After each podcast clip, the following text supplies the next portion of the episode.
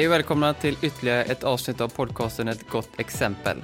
Innan vi kör igång med dagens avsnitt så vill vi börja tacka alla er som har lyssnat, creddat och spridit podcasten. Vi uppskattar er som tusan. Vi vill självklart också tacka alla fantastiskt generösa gäster som kommit hit och pratat. Utan er så blir det ingen podcast. Dagens avsnitt är det tionde och sista avsnittet för säsongen, men oroa er inte. Vi kommer tillbaka igen i augusti med fler spännande gäster. Prenumerera på Spotify, Acast eller appen Podcaster för att få en notifikation varje gång ett nytt avsnitt släpps. Och följ oss på Instagram där vi heter ett gott exempel utan mellanslag. Yes, nog pratat om oss. Nu är det dags att ge utrymme för dagens helt otroliga gäst, Sutip Åsta. Sutip växte upp i Thailand. Som liten dog hennes pappa och hennes mamma pantbelånade henne till en fosterfamilj. Väl i fosterfamiljen blev hon behandlad illa och satt i hårt arbete som bland annat innefattade att hon fick plocka isär och rengöra vapen. Senare i livet fick hon jobba på ett fartyg, ett fartyg som sedan skulle ta henne bort från Thailand till Sverige, men väl i Sverige blev hon nekad både jobb och bidrag. Hon fick helt enkelt finna en egen väg. Ur denna hårda och besinningslösa bakgrund är det lätt att tänka sig att inget gott kan födas. Men Sutip lever för att tysta det som tvivlar på henne. Det är hennes bränsle. Så Sutip klarade sig inte bara ur sitt gamla liv helskinnad, utan hon gjorde sedan underverk. Hon köpte en bit mark i Spekerö utanför Stenungsund, som hon finansierade genom att plocka brännässlor och annat som hon kunde hitta i skogen. Idag har den här biten mark blivit till ett imperium. Ett imperium där Sutip själv har makten, det är nu hon som bestämmer och ingen annan. I en av Sveriges mest spännande gårdar säljer hon sina grönsaker, rotfrukter, örter och blommor till några av Sveriges bästa krogar. Hon gör allt på egen hand. Mellan dessa rader finns det såklart betydligt mycket mer att finna, därför kastar jag er nu utan vidare utläggning direkt till Åsta Gård och Sutips veranda. God lyssning!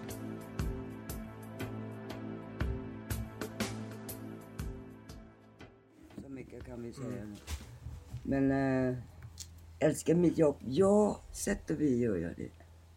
Annars hade jag inte hållit på i 30 år. Nej. Precis. Men det är mest survive. När ni kom ut dit och sa Rickard, du, vi, bor ju, du bor vi bor i stan bägge två. Jag har sommarstuga uppe i Vänersborg, så jag är lite ute på landet ibland. Sen är jag från Stenungsund där, från början uppväxt här. Ja. Men eh, du sa direkt bara, fan här var gött att bara Mm. bo här liksom. Och, men det är ju ett lugn, du måste ha ett, liksom en... eh, Det, det där har du fördelen. ja, Du har friheten. Du kan gå ut och jobba när du vill. Du är I am my own boss liksom. ja, Ja. Jag går när jag vill, jag gör när jag vill. Bara de som köper mina grejer följer med mina regler. Då fungerar jag hur bra som helst. Mm. Och de som inte följer med regler, ofta så följer de inte med hela vägen ändå. nej. Det är frihet men det är ju samtidigt, som för alla bönder, det väldigt hårt jobb. Det, det, det ingår i jobbet. Ja, exakt. Och lägga egna timlön, det kan du bara glömma. Ja. Men däremot, när kunden kommer och säger Gud, dina potäter de är så himla goda. Och vi plockar över 20 kilo på morgonen. Då står bilen i kö innan vi öppnar. Och nu är potäter slut. Är det slut för midsommar redan? Den är... Åh jävlar. Ja. Ja, det är otroligt. Och fast ingen någon får lov att förbeställa. Det gäller för sig kranen liksom. Men Jag tänkte på det när jag, när jag var uppe då sist. Eh, då hade du inte ens en skylt här ute på, vid vägen. Det var så Nej. skönt tycker jag. Det är så här, det är som de bästa krogarna i världen. De har ju knappt en, du kan knappt hitta dit. Nej. Och det är säkert så som du vill jobba också. Att man ska liksom, Verkligen leta efter var befinner jag mig. ja. Och då vet jag den som kommer är verkligen positiv. Mm, Och inte bara springa utan att ha någon förståelse. För det kräver lite förståelse. Både hur jag jobbar. För det är inte pengar i första hand det gäller. Det är god samarbete med kockarna. Mm. Alltså slutkunden. Som har åt någonstans som dyker upp här och säger Gud vi var där borta och det smakar så himla gott. mm, Och de är alltid välkomna. Och då är de så intresserade i råvaror som kockarna serverar. Då. Men annars så tycker jag jag får lugn och ro i jobbet. Jag tänkte på det, typ, eh, alltså, eh, du är en sån, du är en, du är en levande legend. Bland alla kockar i Göteborg och, och hela Sverige. Du har ju kunder överallt. Alltså hela... Och det som var... ehm, som jag tänkte på när du, alltså, när du skrev den här boken och du berättade lite om din bakgrund. Det tyckte jag var helt... Alltså din, eh, din historia är helt otrolig. Ja, men det, det som var så unikt med den. I am survivor. Mm. Och det är där orden som är så stenhårda sedan jag var liten. Vänta liten. Jag är fortfarande få, fågeln, ungen utan vinge.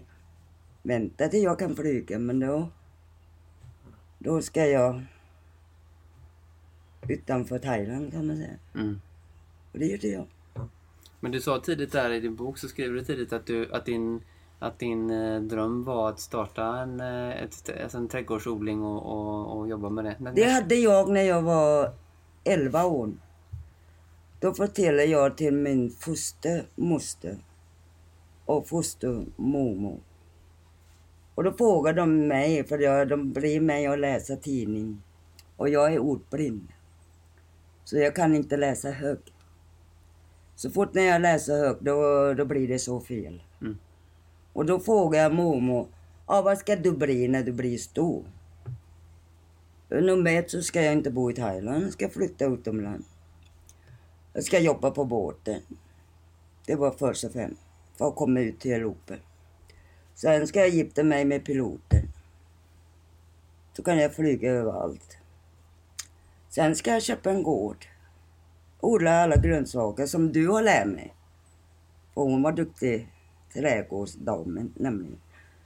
Och då var hon väldigt stolt sådär. Och så inte bara det så ska jag bli kändis. Och så ska jag på tv, radio och tidningen. Och allt det där har jag glömt. Men jag blev påminna för 25 år sedan. Då fostertanten var här och besök. Så frågade hon mig om jag kom ihåg det. Ja, det var så det var. Det- Du, då fick du... Då, Ja. och solklart, det har jag sagt. Ja, just det, det stämmer. Jobba på båten har jag gjort. Jag är gifta med pilot, det har jag också gjort. Jaha. Och så har jag egen grönsakodling. Allt blev... Ja, det blir Alls. som du sa. Allt stämmer så bra. Ja. Och det har man eh, liksom någon idé som barn då. Var det från din, var det från, eh, var det din faster? En fosterfaster? Ja, det är det första family som jag Family, ja. bor i. va. Var det hon som lärde dig? Hur fick du det här med liksom att odla och...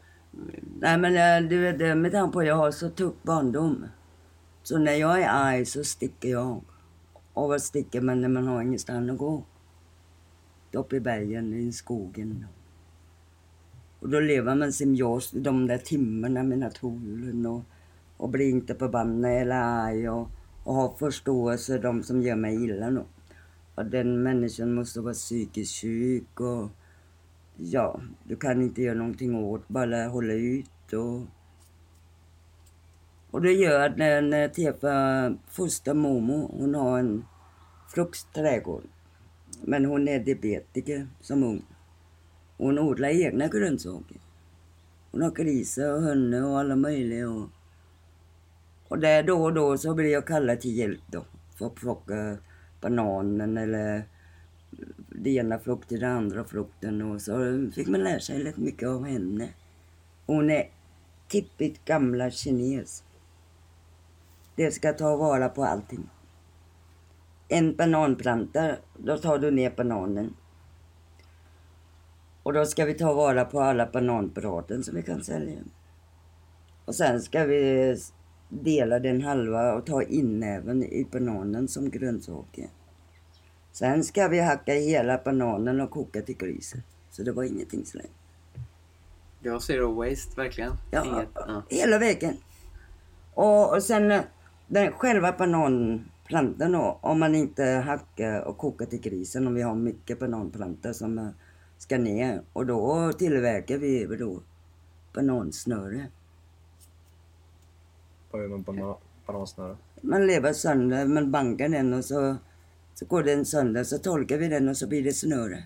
Ja, på själva bananskalet alltså? Ja, Okej. själva plantor. Ja. Utteskalen då, som blir perfekt. Mycket thailändsk mat. Jag lärde mig av en thailändska för många år sedan. Där har man mycket bananblad som man viker in och bakar av fisk och man har det dekorativt på tallriken. Så det blir liksom en form av tallrik nästan. Ja, men det, gjorde man en gång i tiden. Men nu har de blivit så slarvigt med all den där plast som kommer. Så den försvann, men nu håller på att komma tillbaka igen. Mm. Att man använder bananblad till att Ja, det är häftigt. skål helt enkelt. Ja. Vi ska försöka göra det här till en, eh, alltså en eh, jag tror vi skulle kunna sitta och prata en hel, eh, en hel vecka med dig. Ja. Jag tänkte som så här, ska vi, ska vi börja med att presentera? Vi kan gör bara säga, var, Ja. säga vart vi sitter. Se och var vi det sitter någonstans, yes. vi. Eh, vi sitter hemma i Sudtip Austads eh, gård ute i Spekeröd. I hennes fina trädgård här. Och eh, vi har några goda bakelser som vi ska äta här om en liten stund. Och du är ju... Eh, hur, vill du, hur vill du säga? Vad, hur, vad har du för... Vad kan man säga att du är? Odlare? Odlare. Vad heter naturlöve? Naturvetare? Ja, Ja. eller ja. Name it. Ja. Det känns det är jättekul eh, att vara här. Vi pratade lite här om din... eh, Men när du då kom, hur, hur kom du till... Du sa att du träffade en pilot och så kom du till... ehm, Så kom du till Stockholm först va? Och där eh, förstod jag att du öppnade, du började jobba lite med att importera eh, livsmedel från, från Thailand. För den, på 70-talet så finns ingenting. Det finns inga chili, det finns inte en vanlig ris. Utom ankebell. Den där, ja, fruktansvärt lisen liksom. Och då kommer man på det hur man kunde sälja de här produkterna. Då. Åkte jag hem till Thailand och tog med provprodukter. Så gick jag runt hela Stockholm och frågade dem om de ville köpa dem. Men det är förbeställning eh, en månad. Då var det soja och Det var soja, det och- var chili, det var, det var all nämligt. Och då tar jag in, eh, i början så var en container, ganska stor container. Och så fort den kommer så levererar jag ut dem. Det som blir kvar det har jag i, i mina lilla butiken då. Som öppnar bara två timmar om dagen. Så du sålde till restaurangen redan då? Till, Nej, eh, inte till restaurang, till men till butik. direkt till butiken. Ja, butiken. Aha. Och, och det som blir kvar då, då har jag i min lilla butik. Och då öppnar jag två timmar om dag. Sex dagar i veckan. Och alla thaierna kommer vet du, från hela Sverige dit. Det är ris, det är fisksås, det är nämligt. Sen efter det så tar jag in grönsaker varje torsdag. Då går den genom Tyskland men de grönsakerna kommer inte från Thailand. Den kommer från Kenya. Och det är tack vare att jag jobbar på båten och båten hade stannat i Kenya. Och jag fick lära mig att det finns samma grönsaker. Ah, spännande. Så jag åkte till Hamburg till Tyskland och diskuterade med en grossist där. Han var också ganska ny med den här asiatiska grejen i Tyskland. Så sa han, men det är inga problem, det kan vi ju lösa. Jag, jag kontaktar Kenya och så får vi se vad vi får ihop. Och då får vi ihop nästan 80 procent grönsaker som, är, som vi har i Thailand. Och vilka typer av grönsaker var det? Det är aubergine, det är chili, det, det är långbönor, name it. Och vilket år var det här? Då, då pratar vi ni- 70... Det... 76. Börjar 76. 76. Då var jag bara två år gammal. Ja. Och Rickard, du var inte ens påtänkt då? Nej, Nej. Men du, ja, det är så otroligt fascinerande. Och idag om man, om man då åker till Göteborg, eh, vi kan åka in till Stenungsund, så kan man då köpa eh, de här sakerna i butik på ICA. Då, liksom. Idag finns ju alla de här produkterna. Och, ehm, och det finns en del också. Överallt. eh, ta- Ja, vilken utveckling alltså. Ja. Men hur kom du, och då, okej nu är vi um, i Stockholm. Och sen så, hur kom du till västkusten? Uh, Jag träffade en norrman på en restaurang. Och den här restaurangen inkluderar diskotek. Och sen, jag... med tanke på att jag var ensam där, och då jag skiljer från min första man då. Och då åker jag på samma ställe, alla känner mig. Och så sitter jag alltid ensam med två glas. För det är störande när folk springer och frågar om du vill dansa och. Så jag beställer alltid två drinkar så jag byter om och så säger jag alltid jag, jag är här med min man, säger jag. Smart drag, då får man ingen som Då stör. får man lugn och ro. Va? Och så, servitören de känner mig utan till och de hjälper till också. Mm. Men den kväll gick inte hem. Det var en som uh, verkligen hade upptäckt det då, min uh, sätten Och då ger han inte sig ut. Ja, smart jäkel. Ja, och då, var, då fann den där norrman-gängen som jobbar på uh, Antons Navy, hette det den där företagen. Och då sa, han, sa jag till honom, men han, de hör vad som på sig går. Och då fick jag vända mig om, kan man få lov att låna det som min man en liten stund eller? Typ. Och på så sätt träffade vi då. Och, och då försvann den där gudomliga då tydligen inser han att det, det kanske det var hennes man som sitter där typ. Och sen när jag var på väg hem och då skulle vi dela på taxi. Och jag skulle tillbaka till Solna och han skulle någonstans, kommer inte ihåg. nu. Och när den stannade taxi där precis framför butiken, för jag har butiker i Hönne, där jag bor då, i lägenheten. Och så såg han, är det din butik? Ja. Så sa jag ingenting mer. Hej då, tack för kvällen och liksom, tack för att du hjälpte mig. Så. Och dagen efter så kommer med 99 rosor framför dörren. Så var det norrman det. Och ni varit tillsammans i 20 år sedan. Någonting sådär lite över. Sen eh, han gillar inte det jag håller på med. För jag är, ska vi säga, jag älskar att vara självständig. Jag alltid har varit självständig. Och då tyckte han att det är skit, förlåt mig alltså, det är skitpengar. Tyckte han. Men det tycker inte jag. För det var det som du ville jobba med. Det Ja. var din passion. Ja. Ja. Så vi skilde varandra, jag tror det var 20 år sedan. Så det var jag vidare nu. Och alla barn i stora, de har flyttat hemifrån och, och när jag väl behöver hjälp så kan jag bara ringa så kommer de. Annars är jag väldigt självständig.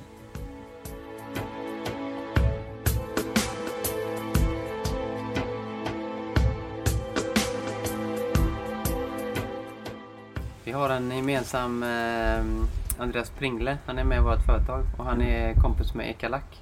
Det Okej, är din son. det är min äldsta son. Ja, och han är också firma och företagare och, Ja. och entreprenör. Han är också, eh, jobbar hårt, Ja. Han har ärvt det från sin mamma. tydligen. Ja.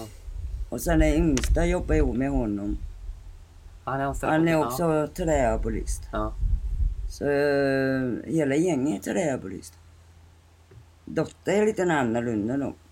Hon håller på med forskning ihop med NASA på Lumsten och, och så det ena och det andra. Nu jobbar hon som revisorbyrå, tror jag. Hon är superintelligent. Mm. Så hon är duktig med siffror och språk överhuvudtaget. Så hon har, hon har en översättningsföretag då, Okej. som översätter alla möjliga konstiga språk. Men hon har också fått det från mamma att hon är superintelligent. Ty- Tydligen. Men är att jag är ordblind. Ja. Men inte mina barn. Och jag är ordblind på det sättet att jag, jag kan bokstäverna, alfabeterna. Men jag kan inte sätta ihop dem. Så när jag läser någonting så blir det fotominne. Och när jag skriver då bokstaverar jag inte egentligen. Jag bara tar fotominne, in det lägger i papperet. Sen ser jag också det stavfel. Det är hemskt egentligen. Så får man sitta länge och skriva och ha sig. Men du, när du berättar det så, alltså det är så här, och vi, den här podden handlar mycket om att man, att man är ett gott exempel. Och tänk så många som har de problemen med läs och skrivsvårigheter. Eh, och du har då byggt upp ett företag som är alltså ett av de bästa företagen i Sverige. och du är ordblind. Alltså, det är, någonstans så är ju alla människor är ju inte gjorda för, att- för att sitta och läsa och skriva. Nej, men, men, men säger sådär, bara man har liten vett i, i hjärnkapaciteten och anpassar sina handikapp på sitt egen vinning. Och det, det gör jag. Jag vet mina handikapp, jag erkänner den för mig själv. Den här behöver jag och den här behöver jag inte kunnat. Men det här är viktigt att kunna nu. Och då gör jag det. Alla min bästa sätt för att och, och kan den utan till. Och tack vare det så, så blir det en liten... Du, du vet nu för tiden så har du mobilen med stavhjälp och allt det där. Jag använder inte än det. Jag är fortfarande kämpar vidare. Vet du jag har en dröm. När jag slutar med allt det här och är gammal och, och ordblind. Jag har en dröm att skriva en bok för mig själv. Det hade varit väldigt spännande att sitta i gungstolen och, och kunna skriva sitt eget bok. Själv, utan någon hjälp. Men det är ju fantastiskt. Men vi, ja, vi som sitter här nu och du är ju... Först har du en sån otrolig integritet. Och du är ju verkligen, för mig, du, du är en sån... eh, Du har sånt självförtroende i det du gör och du är liksom... eh, Så tänker jag så, du, du är så stark. Vi var inne i växthuset nu, jag och Rickard i en minut. Vi höll på att dö där inne liksom. Och här är du liksom... eh, Alltså din fysisk form, alltså vad är det som gör att du orkar hålla på så länge som nu? Jo, men det, det är det som man säger då, när någonting tar emot. Då heter det, nej du, alla de här stackars bebisarna. Och nu sitter jag och pratar med dig, så har jag två växthus som väntar på mig. Vet du vad de säger just nu där ute? Kom inte kärring snart, fan vad vi är törstiga. Eller hur? Ja, verkligen. Och så kommer jag med vattenslangen och försöker alla möjliga duscha av framför dörren så det, så det svakar till lite. Och så måste man lovfråga dem. Kollar ni av och suger upp så mycket vatten just nu när det är så här varmt? Jag sa det till Rickard nu, på, frågan är hur länge vi kan sitta ner och prata. Vi kanske får ställa snabbare frågor. För jag tänker du kommer säkert vattna om en stund. Ja. Men när du kom till Stenungsund, det här är ju otroligt i, i, i din historia. Då kommer du till Spekeröd och ni har den här gården och du går till Arbetsförmedlingen. Ja. Och ska få eh, a-kassa eller få hjälp? Med- jag får a-kassan. Men däremot så har de inte hittat någon jobb till mig. Nej. Och efter en månad var jag irriterad för jag behöver jobb. Nej, det, det, det hittade de inte. Men när vi var inne i tredje månaden. Då kommer den här problemen då. Att de uttalar sig på fel tillfälle på till fel person. Som invandrare har du inte en chans just för tillfället på grund av så många svenskar är arbetslösa här i den här kommunen. Men du vet, som invandrare och självständig som jag så hör jag bara, som invandrare har du inte en chans. Då är jag arg. Då är jag riktigt arg. Det var som att hälla bensin på en eh, eld. Ja, fa- faktiskt. Och då, då slog in i huvudet. Du ska fan inte underskatta vad en människa kan vapen till. Det var jag fick till mig själv. Ville gärna ut med munnen men det gjorde inte jag. Så jag sa du, jag, vi gör så här. Jag, jag tackar för mig. Och du, du kan behålla hela systemet. Du vet precis vad du skulle stoppa. Så jag ska aldrig komma tillbaka. Och då började hon, fick panik väldig panik i rösten. Men snälla, snälla, snälla, ta ingen personligen. Nej, jag gör det inte heller, sa jag till henne. nog. Men nu stuntar jag i systemen. Nej, men du ska inte göra för du, du kan gå på ett tag till och sen kan du ta, fortsätta med jobba lite grann. Sen kan du komma tillbaka igen. Så jag, jag är inte intresserad. Jag går nu. Alltså ska jag vara riktigt ärlig så har vi 20 hektar åkermark. Och så har jag lite pengar i fickan. Jag ska gå hem och odla. Hon tror jag har blivit helt knäpp. Det kan jag säga. Men det gjorde jag då. Var det där någonstans du bestämde dig? På den sekunden ja. Var det det? Ja. Du ska inte underskatta mig vad jag kom vapen till. Tänk Eh. om den här handläggaren ser dig på- tv-reklam och radioreklam. Om hon kommer och- ihåg mig. Det. många, det vore hon ju. Tänk vilket... Eh, Ja. Att eh, hon är nästan... Eh, alltså anledningen till att du... Att jag håller mitt ord. Nu går jag. Och då börjar jag vet du, komma hem och gubben är helt desperat. Vad har hänt?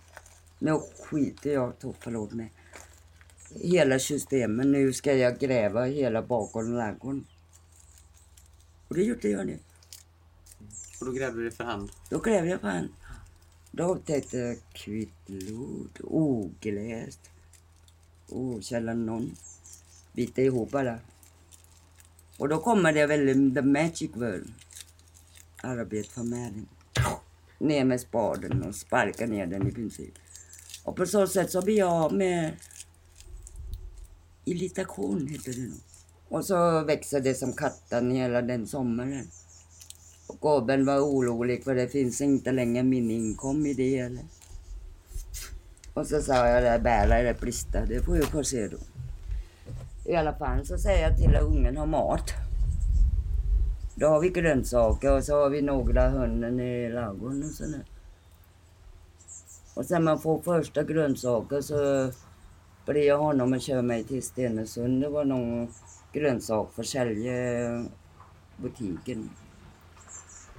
Då tänkte jag, gud perfekt. Jag går dit. Och ta med mina prover. Vet du vad den sa till mig? Att Ja, jag kan få mycket färskare än den där. För det har de velat flytta med priserna.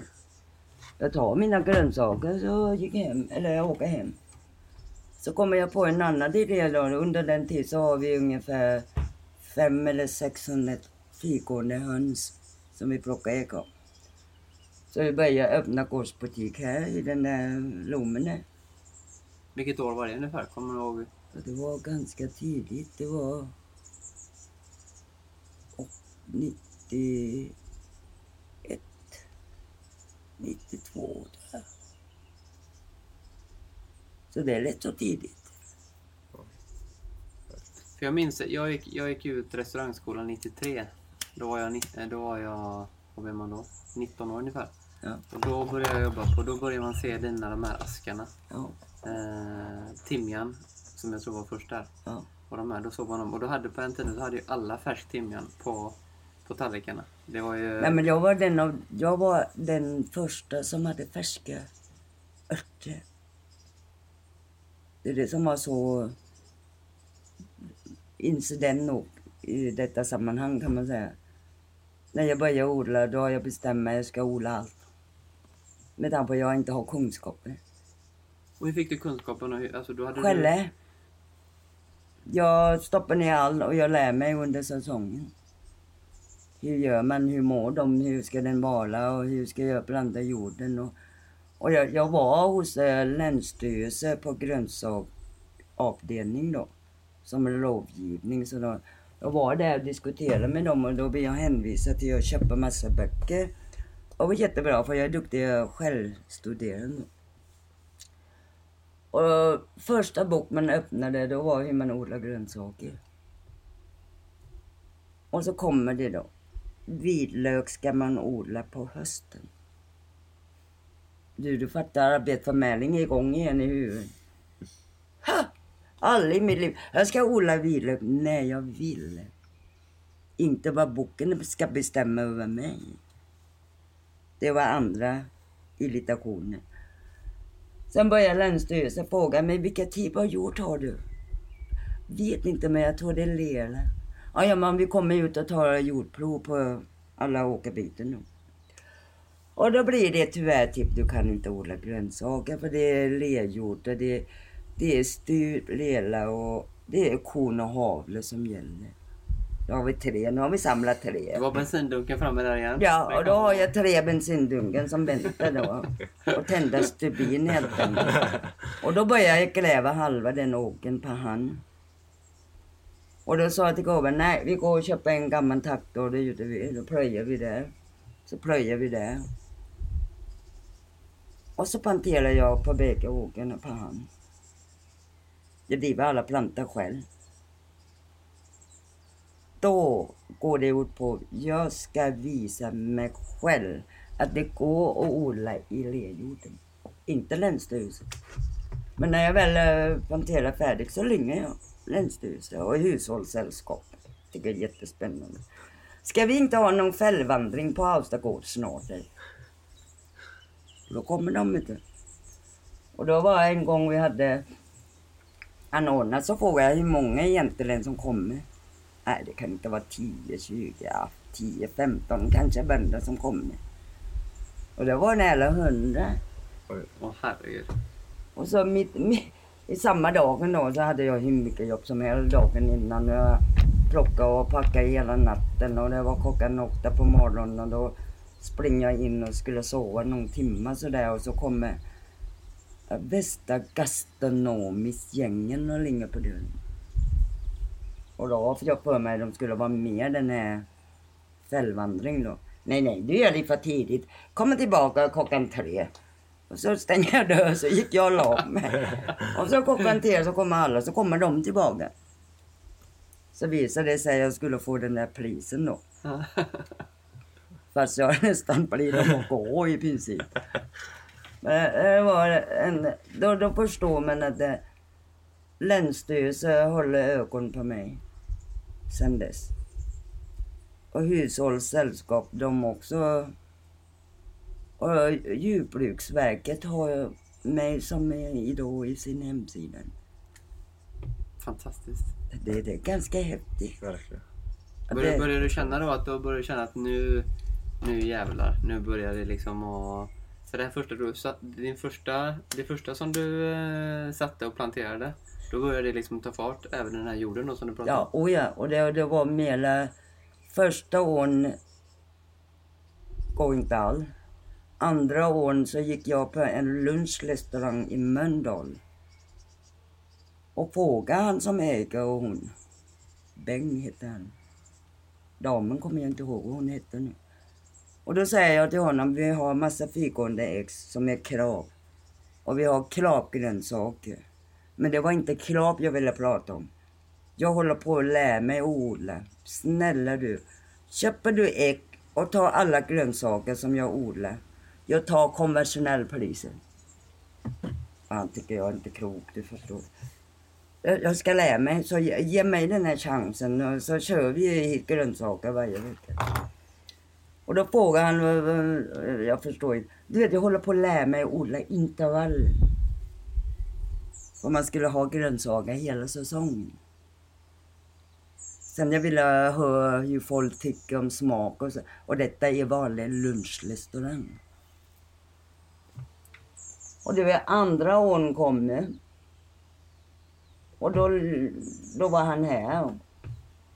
Och så är, jag brukar ha en sån där liten gårdsbuffé.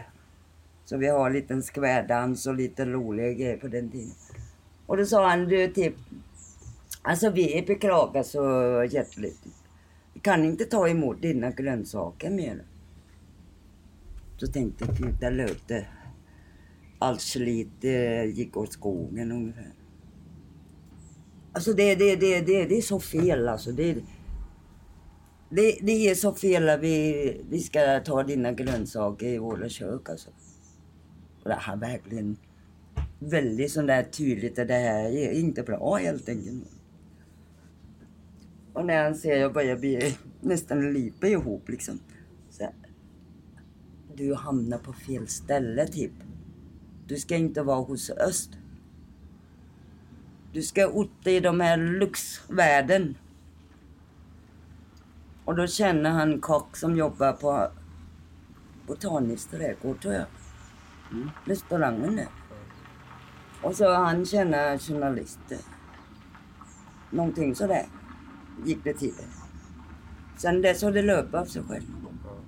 Så det var kockarna, de här kockarna då på... Vilken var den första restaurangen som du fick leverera grönsaker Det var Botanisk trädgård. Botaniska okej. Fantastiskt.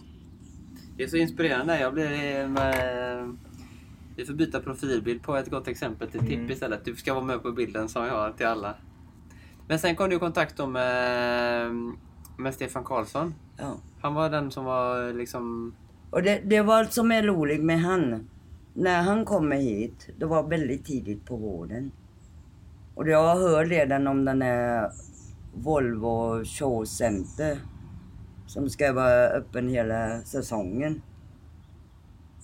Och så dyker Stefan upp och så, sa, så berättade han nu har jag läst hela i Lund och letat efter en sak som jag inte hittade. Och då hittade han i min växthus.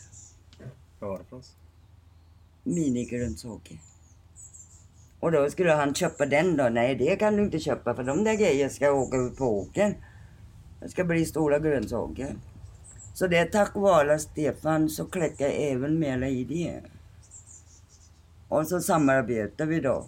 Och så sa han, ja, frågade jag hur mycket det går åt för då hade jag ingen växthus. Mm. Jag hade bara en, kan man säga, en och en halv, en och en liten. Och det är full med plantor liksom. Ja, det är inte så mycket. Vi ska hålla på hela vägen till september, oktober och ja, två, tre kilo kanske. Äh, men det grejer jag, det är inga problem, säger jag då. Började odla på filan och alla möjliga kon som jag kunde. Och så kommer den här någon vecka senare och parkerar bilen och väldigt angenäm fin klä. Och undrar om man kunde gå runt och kolla på växthuset. Och jag tycker, ja, ja men ja, jag kan offra den där lilla tiden. Och så där, det är Volvo-sallad. För vi börjar kalla Stefan sallad till Volvo-sallad. Och det är Volvo-sallad. Och ska, om du ska bara veta. De hade beställt två, tre kilo. Nu har de åkat sju, åtta, tio kilo i veckan. Alltså det... Och du vet hur jag är. Då blabblar jag på. Och han var väldigt sådär, lyssna och obekymsam. Och efter en och en halv timme så var vi färdigt tjatande i växthuset igen och det andra. Så kommer han ut och så säger vi hej då och skakar på händerna och vet du vad han sa då? Jag siktar på ledningen så jag ska säga till att den här käpar sig omedelbart. och så låg, slog mig själv i pannan. Där lök det Volvo-projekten tänkte jag. Men det gick bra. Och så, så efter det så har Stefan och jag, vi hänger ihop. Han kommer med idéer, jag odlar.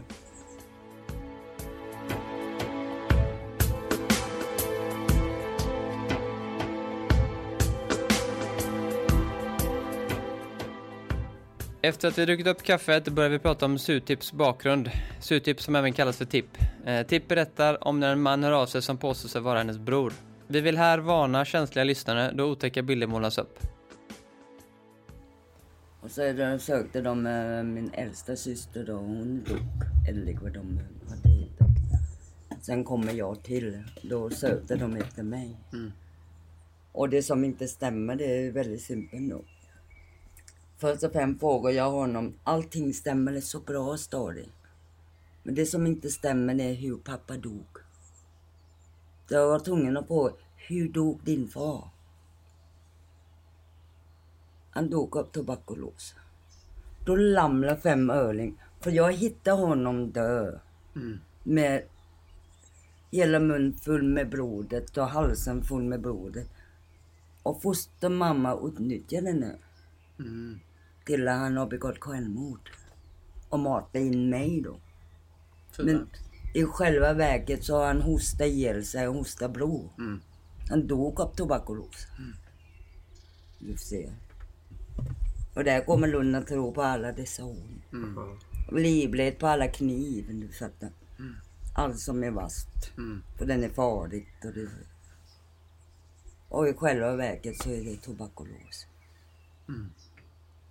Så det där det, det stadigen går. Sen när, när vi väl gjort DNA-proven då, då vi misstänker redan när vi helsyskon. Mm. För det vi ser, jag bjuder dem hit bägge två. För jag ville ha lite mer tid och kunna se hur de beter sig här och sådär. Så de var här en månad. Och man ser han, han var gå som jag, sikta som jag, prata precis som jag. Då hade vi inte tagit DNA-proven. Nej. Nej.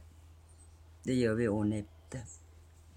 Men tänk om du har vetat om att din pappa, alltså nu trodde du att han hade tagit livet av sig men att det i själva verket var att han dog av en sjukdom. Att man får svar på... eh, På det som är obekräftat då. Ja. På grund av jag har hittat honom i badrummet. Mm.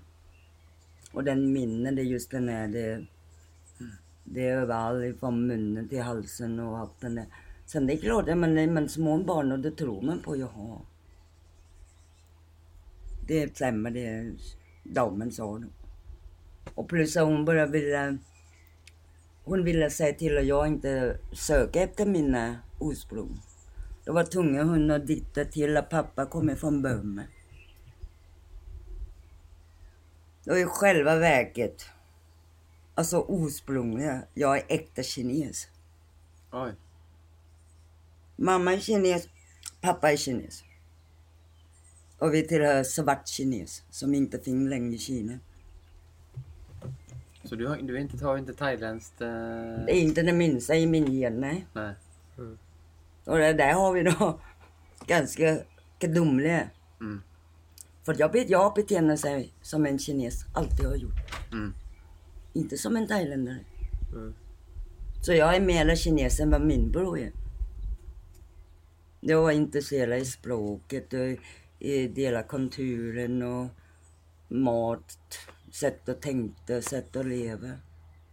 Men fick du träffa din mamma eh, eh, efter du kom till, eh, till Sverige och Tyskland? Han du komma träffa, gå till- gå tillbaka till Thailand och träffa söka upp din eh, mamma? Jag, jag sökte hela gänget men jag hittade ingen dem. Nej. Och på grund av att hon påstår att pappa kommer från Burma. Den där efternamnen kommer från pappa. Då är han död, han kommer från Burma, han har ingen släkt. Mamma är efternamn, det har jag ingen koll på. Så slutade jag söka där. Mm. I själva verket så, jag hamnade lätt där jag var. Om jag inte hade blivit missapp med pappa kommer från Burma. Då hade jag hittat min bror sedan 70-talet. För vi var inte mer än en kilometer från där jag. Så det, det är ganska unikt. Efter all den här tiden så dyker han upp. Och så man ser hans barnbarn som springer ungefär som min lilla poj och du vet. Känner man igen den där släktskapen och... Det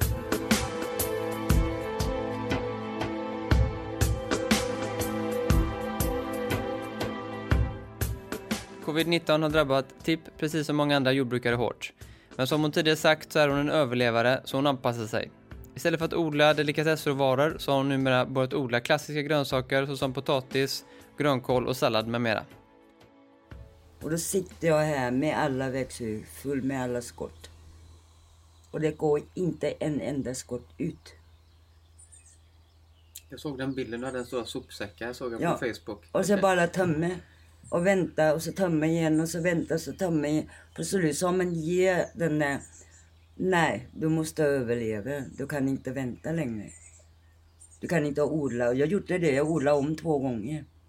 Och lika väl så länge jag dem. Och då tänkte jag, nej, nu öppnar jag gårdsbutiken. Bäla eller Brista då, hette det nog. Och då, då sa jag till mig själv, det är ingen idé att fundera på covid. Det enda du kan fundera är hur skulle man överleva? Bära eller brista, det är ointressant just nu. Då tar vi då. Och det var det som gör när man ändrar hela karaktären, man ogillar växthuset, vad man inte är van att se växthus som man ser idag. Man är vana med snyggt och prydligt med små alla gulliga skotten och om det är det bara hullabulle. Vad gör man? Det är bara att acceptera. Men du är ju en sån överlevare, alltså av någon som, som jag tror du har sagt någon gång i en intervju att du, du har mat i växthuset och du har tak över huvudet. Alltså, Det är det grund... Alltså utan de två... Alltså om du inte har mat och blir mätt. Psykiskt mässigt mår du inte bra. Om du fryser och blir blöt och inte har ordentligt tag. Då kan du inte heller få ordentligt med sömn. Så de två sakerna är så viktiga i livet i ämnen. Bara de två fungerar Lästen får man släpa med, kallar jag nog. Goda värld. Så det finns många smilar mitt i elände. Typ när vi plockade potäter, en bet, det var förra månaden. De hade fått frostskada.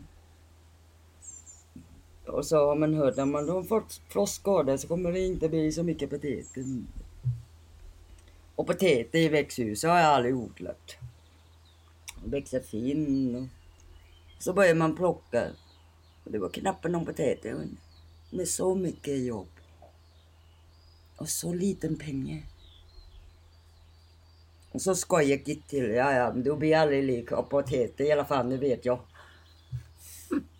Och, och inte katten jag ger upp för det. Jag leker potatis och pågår åker bakom ladugården och Så första räddningen på potatis i, växthuset, det funkar inte?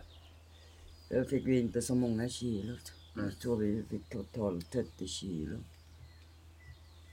Jag tänkte bara för de som inte, nu har vi många lyssnare som är kockar så här, tänker men de som inte vet när du odlar de här askarna med skotten. De är ganska, alltså det är ju det är så, det är så fina saker, de är ganska dyra. Det är bra försäljnings... eh, Otrolig försäljning på de här askarna. Ja men, men de här askar kräver enormt mycket kvalitet, medvetande. Mm. Om vi säger av en kvadrat. Först ska du fokusera bort det som är dåligt. Det går åt säkert mellan 35 och 40 procent som du inte kan plocka. Som du måste kompostera. Av det är Leston kvar, det är den som åker in i askarna. Som är kvalitet, nästan kallat 98 procent. Och det är, det är inte många som förstår det. Så där måste du utveckla teknik. Du ska, du ska klippa snabbt, du ska hinna med leveransen. Du, jag menar om de beställer 20, 20 kilo timjan. Då, då går jag, jag, jag har enormt mycket tävlingsinstinkt i mig. Och då brukar jag sakta deadline, jag älskar deadline. För då har man koll på grejerna. Va? Sitter jag och pratar med er här så har jag ändå deadline när jag väl där sen när ni åker. Och då ska det gå ett antal timmar där. Om jag har sagt två timmar och sen är jag färdig en och en halv timme, då går jag hem. Då har jag en halvtimme till godo. Kan jag sitta hemma och koka en kopp kaffe, ta en liten mat och bara slappa. Så jag stressar inte. För alla som är sådana hobbyodlare nu då, jag tänker så här, nu, nu har det här odlingstrenden och jag tror ännu mer när man ser att att vi kanske förmodligen inte är så om vi ska bli självförsörjande i Sverige så måste vi odla mer själva och lokalt och, och, och, och jag tänker bara du skulle kunna komma ut och föreläsa, du skulle kunna bli eh, Ja, men- så många som med din kunskap som du har med odlingen. Men du ser nu, nu har jag en ny kunskap. Mm. Jag har bytt om mitt yrke. Ifrån deluxe-produkt till en vanlig vardagsmat. För mig så är det stor grej. Eller hur? För det har jag aldrig gjort förr. Och helt plötsligt så räcker inte med det. Jag måste försöka sälja plantorna. Måste odla plantorna i krukorna, måste lära förstå dem, och hur man gödslar dem, hur man vattnar dem. Hur ska man kunna sälja dem också? och inte bara tillverkaren. Och, och det är säsongbetonat har vi här i den här landet. Även plantorna. Och då, det, det var bara så låg en sån där linkockan i huvudet. Tänk om, tänk lätt, tänk nu. Du har väldigt kort säsong. Ja, då var våren över.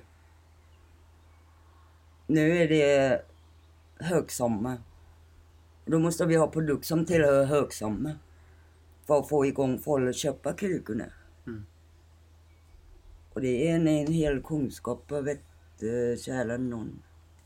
Kan du odla sådana här krukor, alltså örter, jag tänker timjan, eh, rosmarin på... Ja, du kan odla allt. Ja, jag tänker det är det som du satsar på nu, försöka sälja de här... Nu, eh, nu är det mera asiatiska då. Ja. Försöka bli specialist på det kan man säga. Exotiska plantor. Av alla möjliga slag. Och det går hem.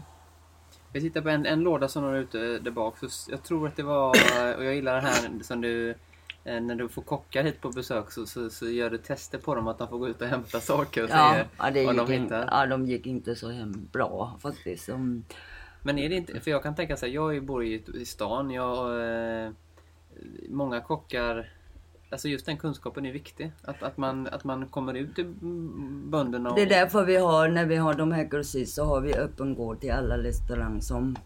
Mm.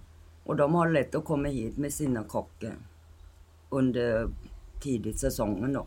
Då har jag mera tid. Och då kan jag lära upp dem och vad det är de frågar så kan jag svara dem. Men det är inte alltid man har tid till att komma ut. Och komma ut det är viktigare. Man, man, du vet, om du kommer ihåg 70-talet så började de här färdigpanerade fisk som började sälja i frysen. Och ungen har för sig fisken ser ut fyrkantig. Det är fiskpinnar som, Ja, som precis. är, är i havet. Mm. Och, och jag uppväxt med helfisk. För mig att gå till fiskbilen och köpa helfisk, det är ganska normalt. Och steka den hel utan att filera den. Men för en svensk är det omöjligt. Nej, det, det, det är så mycket ben och... Och det är inte konstigt för de är inte vana med det. Det är som en hel kyckling. En hel kyckling är godast att steka hel än att Ja. steka bara filén. Det är samma... Jag, jag köper ingen filé, jag köper hela. Eller och- lårfilé. Jag tänkte på en sak till, för när jag var här sist så då hade du då var vi tittade på alla de här fina skotten och det är ju helt fantastiskt. Jag tänker också, för jag själv då är lite hobbyodlare, men det här med att man börjar att så frön, hela det arbetet och lägga fröna i rätt avstånd och det är en process som är... Men man måste ha ögonmått, man måste ha disciplin innan man går och gör saker och ting. Man nästan, du vet, jag är ordblind. Men jag kan sikta hemma och rita upp odlingen i papperen. Paperen kommer aldrig mer ut. När jag är väl ute så ser jag i, i bilden då. Så går jag precis efter det. Och, och så varje flöng som går ner, det ser jag. Om det är en halv centimeter eller två eller... Hur mycket har du i eh, huvudet? För jag tänkte när jag gick runt, när vi gick runt där uppe ute så var det så ofantligt mycket olika växter och mycket Ja, jag tror vi har över 150 produkter. Har du mycket anteckningar eller hur, hur, Ingen, hur, jobb, det finns ingen anteckning någonstans, det finns bara i huvudet. Bara i huvudet? Men du kan fråga mig vad grejerna är. Ja. Så kan jag lita en karta så du kan gå och hämta. Men i en låda som du har ute så har du, om jag tror jag såg rätt, så hade du purjolök och grönkål. Eh, det var tre varvade grönsaker. Och det är på bakom På, på ladugården. bakom ladugården, ja. Det har inget purjolök där. Nej. Jag har stora lök. Stor lök, okej. Löt och gul. Okej, och så varvar du den med kål. Och så har vi kål och så har vi en liten potatis, månpotatis som växer mitt i. Och... Aha, varför lägger du potatis? Eh, är det bra att varva tre sorter så? Att de växer? Jag brukar säga så här. Vi ska inte göra det så komplicerat. Du får tänka tillbaka när vi inte funnits på jorden. När dinosaurier håller på med det, om vi säger så. Hur växer de här plantorna? Det är väldigt enkelt, eller hur? Mm. Det är djuren som har tagit och ramlar där och så växer den ingen vidare där. Så tampar de vidare så kommer de en annanstans. Så växer de hur fint som helst. Och det är samma som vi ska tänka. Om vi stoppar en planta på ett ställe som inte växer, då börjar du fundera nog. Men kanske de inte trivs, det är inte lägger solen eller, eller det är fel eller ja men bättre vi testar att flytta den. Eller förbättra jord. Men ofta så hänger man upp sig i förväg. Gör man? Det är klart flöng ska ner i jorden. Hur djup, men det vet vi inte. Sen har vi guiden då som säger så här djup och så där djup. Och så börjar människan i huvudet i väldigt ha förmåga att komplicera. Äh, men, ja, men åh, det ska vara exakt, nästan ha tumstocken och mäta exakt hur djupt det ska vara. Helst ska vara en, en snöre så det är verkligen lag. Det är ingenting som växer lag i naturen. Allting växer snett Jag vinglar. Och alla växer ihop. Och gräs, vi är inte min gräs. Du kan tampa hur många gånger som helst. Så fort den får vatten, den är lika grön. Men det tänker jag så här, där är ju då någonstans kan, kan jag tycka att kockarna har ju en liten... Eh, kockarna driver ju saker till att det ska bli exakt och rakt och speciellt och det är ju också att den, hela den utvecklingen får ju faktiskt kockarna ta på sig för att, att det blir ju en väldig press på er som odlar. Att det Ja ska men det, vara det, det, det är det som är problemen. Att det, skönhet tar över Mm. kockförmåga. Istället låta naturen visa sig skönhet. Så blir det vi människan stämmer över. Så här ska ni se ut. Det går jättebra om du inte är ekologisk odlare. Du bekämpar alla ogräsen du har allting perfekt. Du har konstgödsel perfekt. Du plockar precis när när du tar tumstocken, mäter, nu kan du plocka alla i likadana. Men det, det går inte i vanlig ekologisk odla, alltså vanlig ekologisk odla. Du har gräsen med. Du har inga konstgödsel som bestämmer den ska vara exakt. Det är ju vårt fel, det är ju vi som har skapat den bilden av Det, det, av det, det är vi som är fel, vi skapar fram dem. Och sen, eh, jag brukar göra det ibland när jag plockar morötter. Så tar jag vara på de högen som är skönhetsfel. Och så lägger jag ut på Facebook och ingen någon vill ha oss. Mm. Men vi är vackra ändå. Och tror det går hem bland eh, kocken då. Ja visst, den är vacker. Men sen inget mer. Mm. Vad har du, jag tänker om vi pratar lite med gödsling. Hur gör du när du gödslar? Vad gödslar du med? Handgödsel. Enklaste. Och jag, jag är lite snål med gödsel nu. För jag tycker de, de ska få lov att komma upp och visa mig. Vi är grön. Vi mår bra. Och då behöver du inte mera gödsel bara för det. Låt dem växa naturen och gå efter sin lilla valp. Och... Visserligen, du får inte den där potatis som är jumbo size. Men de får väldigt goda potäter. Hur skulle det funka? Vi, vi håller på att testa nu med sån här bokashi. Det är ju när man tar hand om matavfall och gör kompost på det. Har du provat att... Och vi hade även ett, en intervju med um, Susteko som jobbar med komposter där man lägger matavfall från hyres, alltså hyresfastigheter. Jag skulle vilja testa att, att få ut, att göra om matavfall till gödsel. Man säger det när man odlar på sån här bokashi då när det blir, blir väldigt bra näring. Alltså man åter, man återskapar näringen i jorden. Tror, Ja. du att det, tror du på sådana sätt? Och skulle, man, skulle det kunna vara en framtid? Och, Du vet alla grönsaker som slänger ut från växthus. Det kör vi varm kompost. På mitt vis. Det är helt enkelt de här jordsäckarna som jag har. Så jag stoppar in all lästen som jag ska städa. Så hänger jag alltid med jord också i den. Sen stänger jag den och så ligger den där hela sommaren och så nästa vår så tar jag dem och fyller på i alla odlingslådor. ja, det ju toppar med... Ja. Mm. kan visa det också. Du kommer bli helt fascinerad ju den här komposten med tanke på sniga och allt. Då jag valde att varmkompostera den. Och varmkompostera i svart påse. Mm. Då kommer ingen snigorna in. Jag vet att, eh, att du eh, inte odlar någonting på vintern. Nej. Vad gör du då? Du håller på med säsongen. Sen är säsongen slut någon gång i november. Sen ska du städa alla växthusen. Den ska vara len från allgrön. Ogräs och whatever. Den ska göra kalka, den ska vända på jorden i alla beten. Den ska borsta len innan man stänger dörren. Då är man färdig någon gång i mitten av december. Sen vad kommer efter det? Januari. Jul. Jul. Ja. Och då har man inte städat hemma ett helt år. Eller hela sommaren och då ska man storstäda. Alla ungarna ska komma och... Ja, det var julafton eller... Sen vad kommer det efter? Nyår.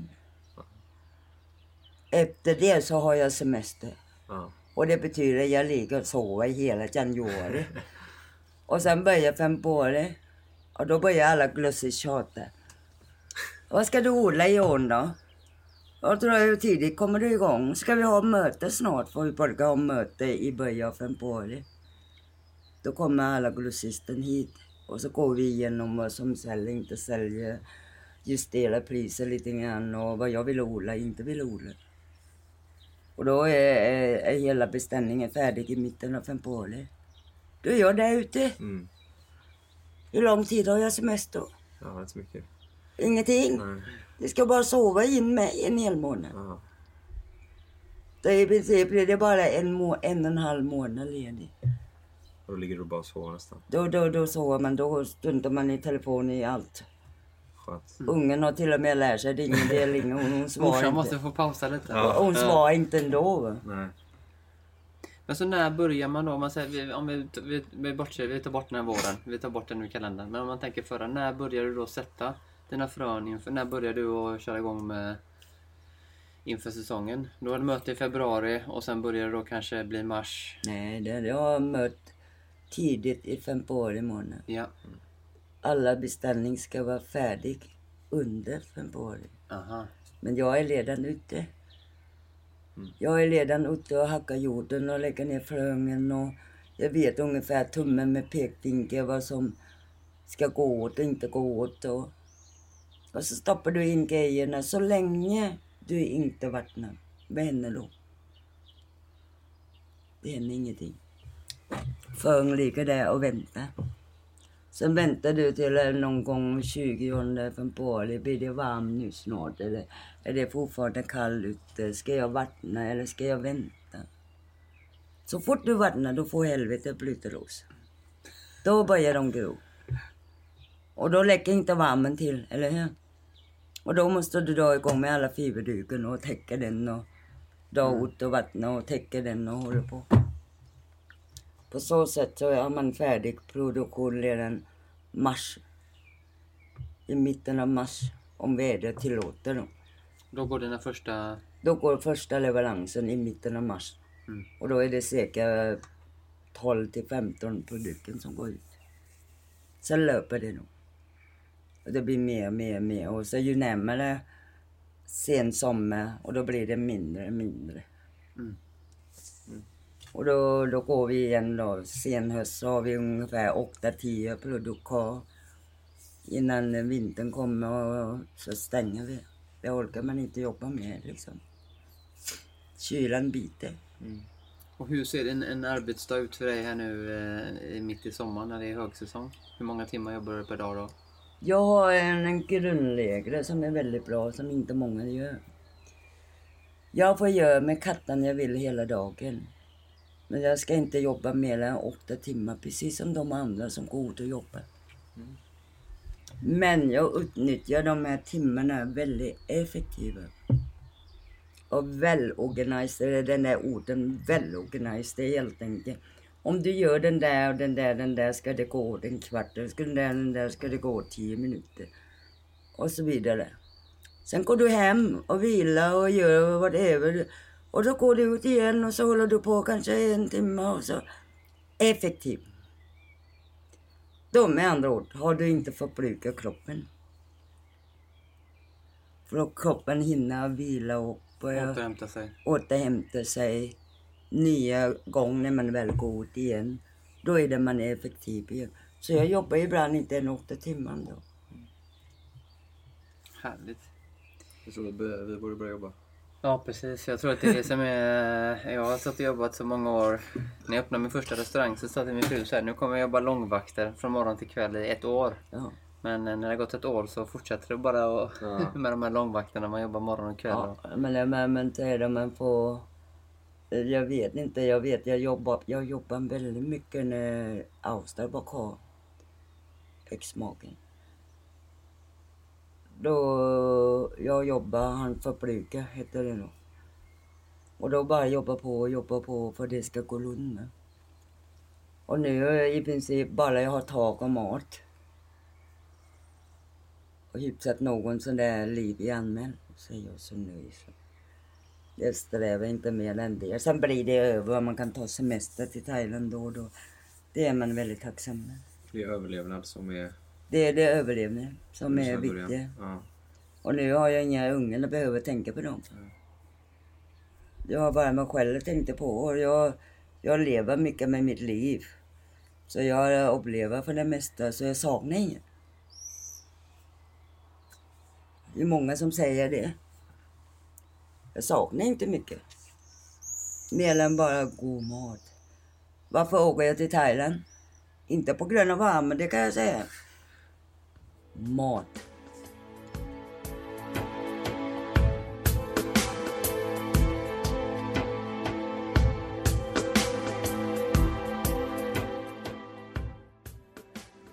Vi ska säga det också, vi har en gemensam kompis du och jag eh, typ, som heter eh, Git.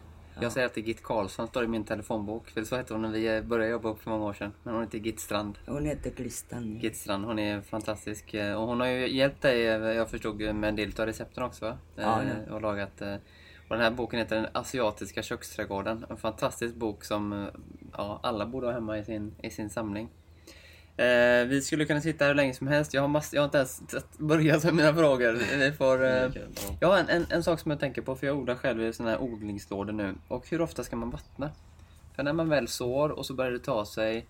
eh, Hur ofta bör man vattna en, en, eh, om man har en odlingslott i ett trädgårdsland? Hur, Ja, det beror på hela hållet om det blåser, om det är mitt i solen eller vad är det du odlat och det enda smartaste det är att gräva lite grann i hörnen av lådan och kolla.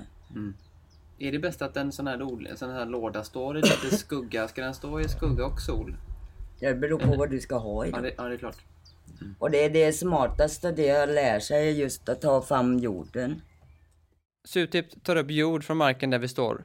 Hon illustrerar för oss samtidigt som hon förklarar jordens kvalitet och vad man specifikt bör tänka på. Sådär, ifrån längre ner då. Så klämmer du. När den är så här. Vad säger det då? Att den är fuktig. Den är lagom fuktig. Lagom fuktig. Den går inte sönder. Men den blir inte klumpig heller.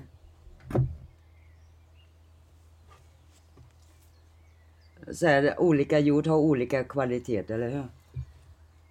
Prillar man upp dem, om man inte kramar den så ser man vilka färg den har. Vad, vad bedömer du? Fuktig? Duktig. Eller? Fuktig. Så klämmer man ihop dem. Kommer vatten? Nej, den gör inte det. Men det hör. Duktig. Det är tillräckligt vatten, men det doppar inget. Så den är precis lagom fuktig. Men däremot om du klämmer ihop och så börjar doppa. Då heter det. Aha. Eller om du klämmer ihop och så bara smullar. Ja. Då är den för torr. Så det handlar mycket om att, att känna och, Och känna som, av. Precis som allt annat. För det här är, är lagom fuktigt. Då har vi den här. Det här är lagom fuktigt. Ja. Du kan klämma och klämma. Vad händer med dem? Förtal. Den är för torr. Mm. Och Så det är alltså lära känna jord. Så så fort när den är torr, det spelar ingen roll vilken jord egentligen. Så när du klämmer hårt och så öppnar så är de lika sådär, så är de för torr. Mm. För det är det man ska göra helt enkelt. Jag har lärt mig av min mamma att man går, man, tryck, man blommar hemma, man känner och trycker och... Ja men det är ett litet problem för man får ingen hum om. Men man bör känna lite mer... Man eh, måste lära sig att känna just när man inte har kunskap då. Ja. Att man eh, kramar den, börjar bli där, nej fan nu måste jag vattna ordentligt. Börjar bli sådär då absolut ska jag inte vattna, då dör de. Mm. Men börjar det doppa, då är det fel på krukor, det här samlar på vatten, den jävla kommer att dö. Mm. Så man, man, man hela tiden tar hänsyn till... Och så säger jag då, du är jättetörstig. Så varsågod ett glas vatten. Så, du är så törstig att du inte kan dricka upp det. Du tar liten i taget och så väntar liten i taget. Och det är samma sak. Mm. Du kan inte bara blur.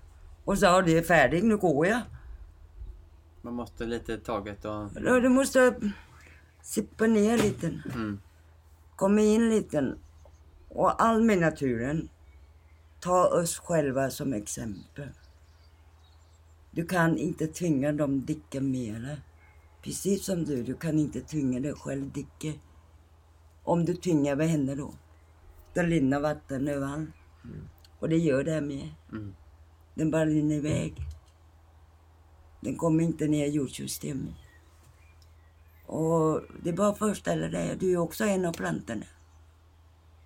Vad händer när du sitter där i växthuset så kommer jag, alltså du är kokande, så kommer jag iskallvatten på det.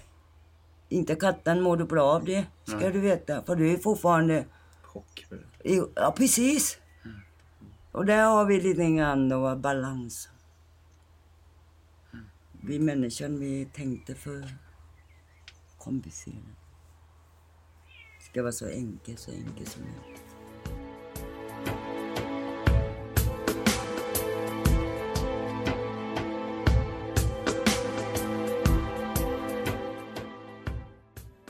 Men vad, vad tänker du nu, nu, nu den här, man, den här skit, man säger den här skitvåren? Alltså, eh, vad tänker du nu inför hösten och inför nästa år? Och, eh, hur ser dina framtidsutsikter ut? Uh, Den ser ut så här. Nu har man uh, försökt överleva sommaren. Sen ska man försöka ha gårdsbutik lite längre fram till uh, sen höstvinter. Möjligtvis uh, hålla på med julförsäljning eller något sånt. Sen ska man överleva vinter. Det vet jag inte riktigt hur... Så långt har jag inte kommit. Men eh, vinter måste man överleva för att kunna möta våren. Och ja, mer vet jag inte.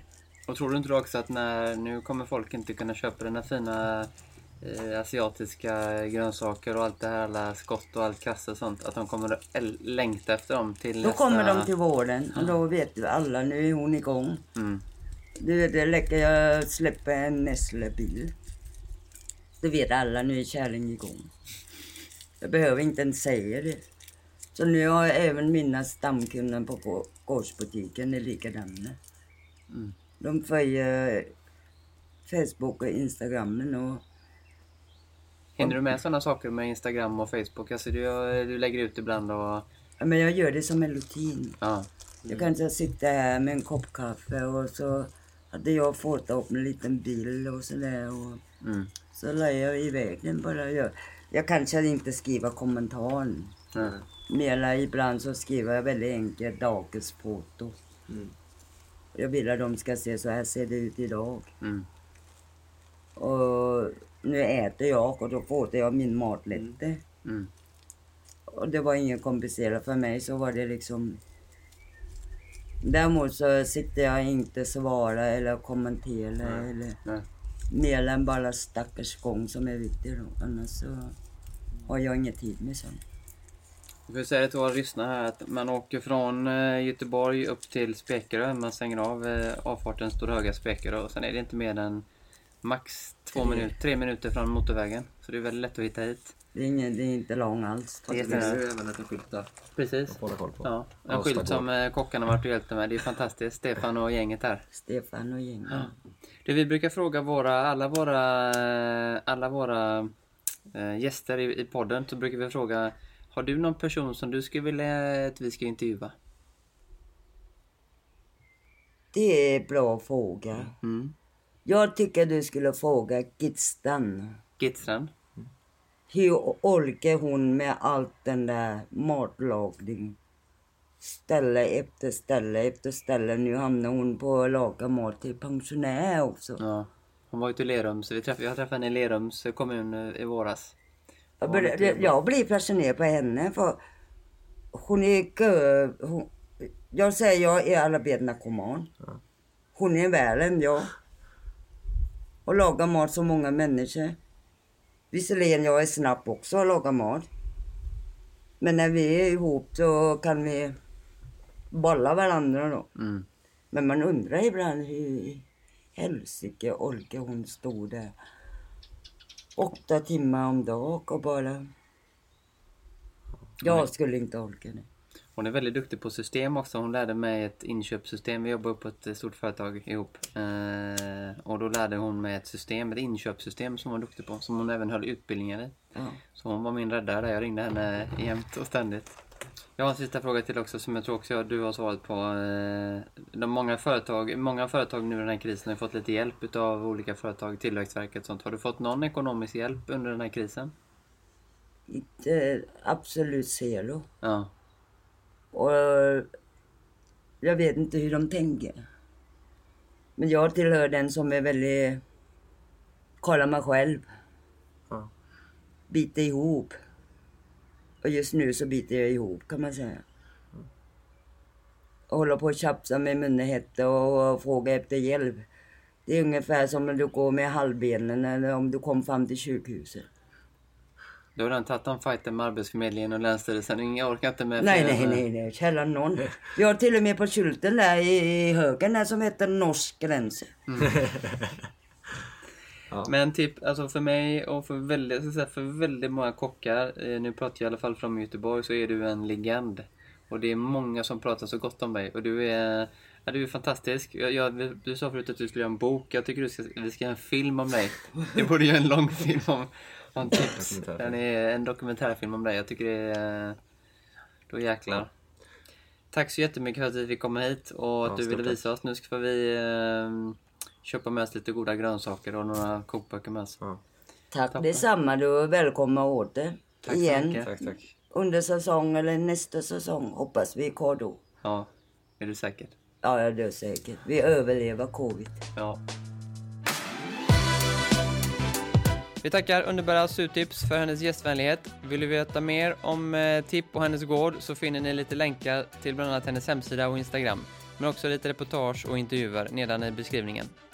Tack för att du har lyssnat på oss och ha nu en god sommar, håll avstånd, var rädda om er så ses vi i början av augusti. Allt gott!